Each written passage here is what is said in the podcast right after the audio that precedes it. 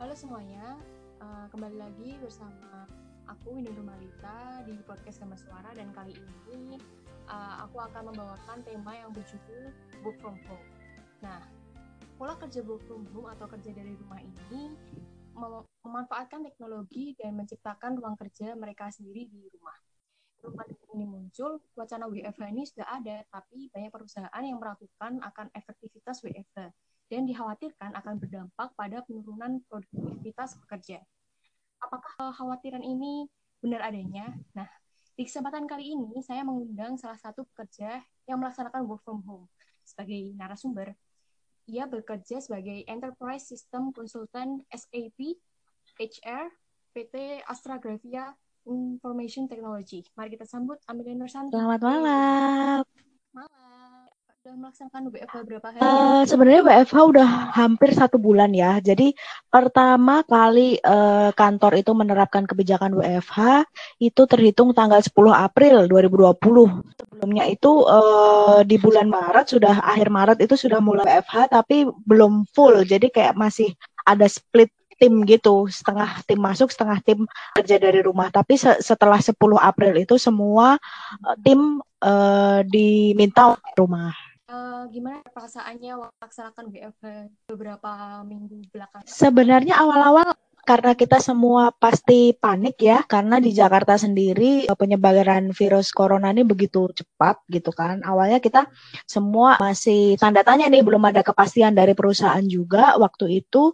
Dan uh, karena ada kebijakan split tim itu akhirnya kita juga ya udah ngikut aja uh, perusahaan mintanya gimana. Tapi setelah uh, makin banyak ya kasus uh, positif covidnya kita juga hmm fine-fine aja gitu. Kita merasa aman aja kalau kita diminta kerja dari rumah.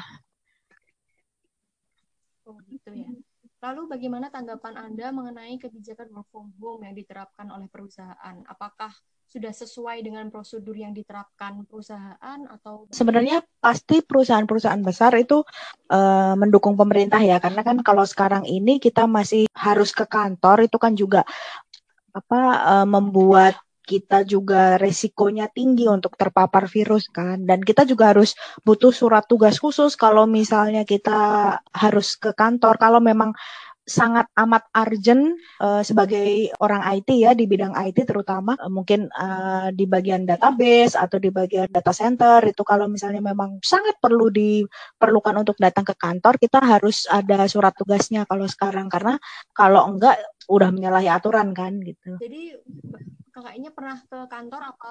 Uh, enggak sih, selama ini kita uh, stay di rumah terus karena ya semua pekerjaan kebetulan bisa dihandle dari rumah gitu. Karena kan saya bekerjanya di bidang IT ya, terutama uh, bidang yang sangat paling mungkin untuk work from home sih. Jadi dengan adanya work from home ini, apakah terjadi peningkatan produktivitas saat bekerja. Terus apa sih keuntungan WFH? Uh, sebenarnya keuntungannya kita lebih safe ya, karena stay at home kita mengurangi risiko terkena virus. Tapi untuk produktivitas sendiri pasti uh, menurun ya, karena karena bagi, biar bagaimanapun kita uh, mungkin agak sedikit kurang kurang leluasa dalam uh, bekerja seperti harus bertemu dengan klien, bertemu dengan user, meeting-meeting yang bisa di kita adakan secara langsung jadi semuanya harus secara online gitu. Cuman ya secara produktivitas setelah kita uh, belajar ya maksudnya pengalaman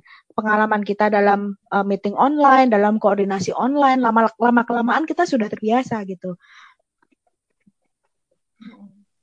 Oh gitu ya. Jadi mungkin bisa diceritakan kali uh, pengalaman yang paling menarik yang terjadi saat work from Sebenarnya nggak ada yang menarik sih karena uh, selama work from home ya kita seperti kerja di kantor tapi kita lagi di rumah aja gitu.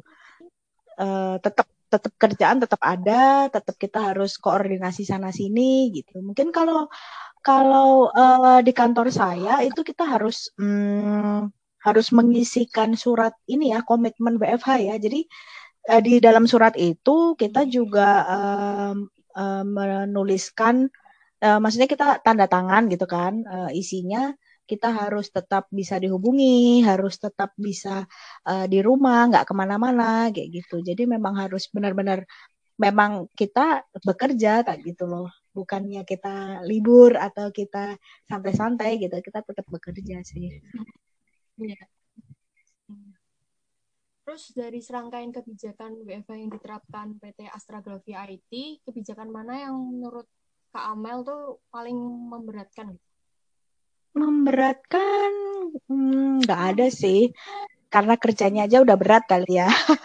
Jadi bukan bukan karena mana kebijakan yang berat itu uh, saya rasa nggak ada, cuman uh, dari kantor juga uh, selalu menekankan bahwa kita harus tetap Uh, mungkin ini malah jadi tips and trick ya, biar kita tetap uh, meningkatkan produktivitas kita selama work from home gitu kan. Yang pertama kita juga harus selalu uh, on time, walaupun kita di rumah tapi kita uh, sebisa mungkin bekerja sesuai jam kerja yang telah ditentukan. Misal kita jam 8 sampai jam 5. Oke, okay, jadi kita uh, start untuk bekerja jam 8. Kalau bisa ya pagi mandi dulu gitu kan. Bangun pagi tetap seperti biasa bikin sarapan.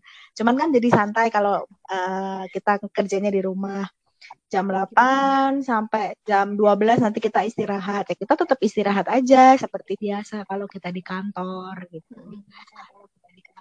Terus uh, terus hmm? gimana sih tips and trick WFH agar tetap nyaman dan produktif uh, ini sih lanjutannya yang tadi sih sebenarnya uh, kalau di kalau saya sih di kantor saya ada ada aplikasi khusus ya buat uh, absensi. Jadi kita tetap tetap hmm. absen seperti biasa. Di pagi uh, kita uh, absen masuk, nanti sore kita absen keluar. Uh, kita juga menuliskan uh, apa namanya uh, hasil kerja kita nanti kalau pas kita absen sore begitu. Dan kalau di tempatku biar kita tetap produktif uh, aku selalu bikin to do list gitu loh. Hari ini aku mau kerjain apa targetnya apa yang harus kita selesaikan gitu. Jadi to do list activity yang mau kita kerjakan apa aja. Tapi uh, secara tim secara tim buat biar atasan juga bisa kontrol kita tetap kerja kita juga ngisi form online gitu loh form untuk uh, uh, jadi ada targetnya pekerjaannya apa aja sih gitu. Jadi nggak cuma buat kita juga jadi satu tim tahu nih apa yang bisa kita kerjakan gitu. Terus uh, komunikasi kita juga harus sedia siap sedia ya. Jadi uh, selama jam bekerja itu harus tetap bisa dihubungin dari berbagai media ya, maksudnya bisa email, telepon, WhatsApp atau biasanya kita conference call ya, itu pakai Microsoft Teams gitu. Jadi setiap pagi kita juga ada kayak check-in gitu, briefing pagi lah ya. Itu kita conference call gitu sama teman-teman satu tim.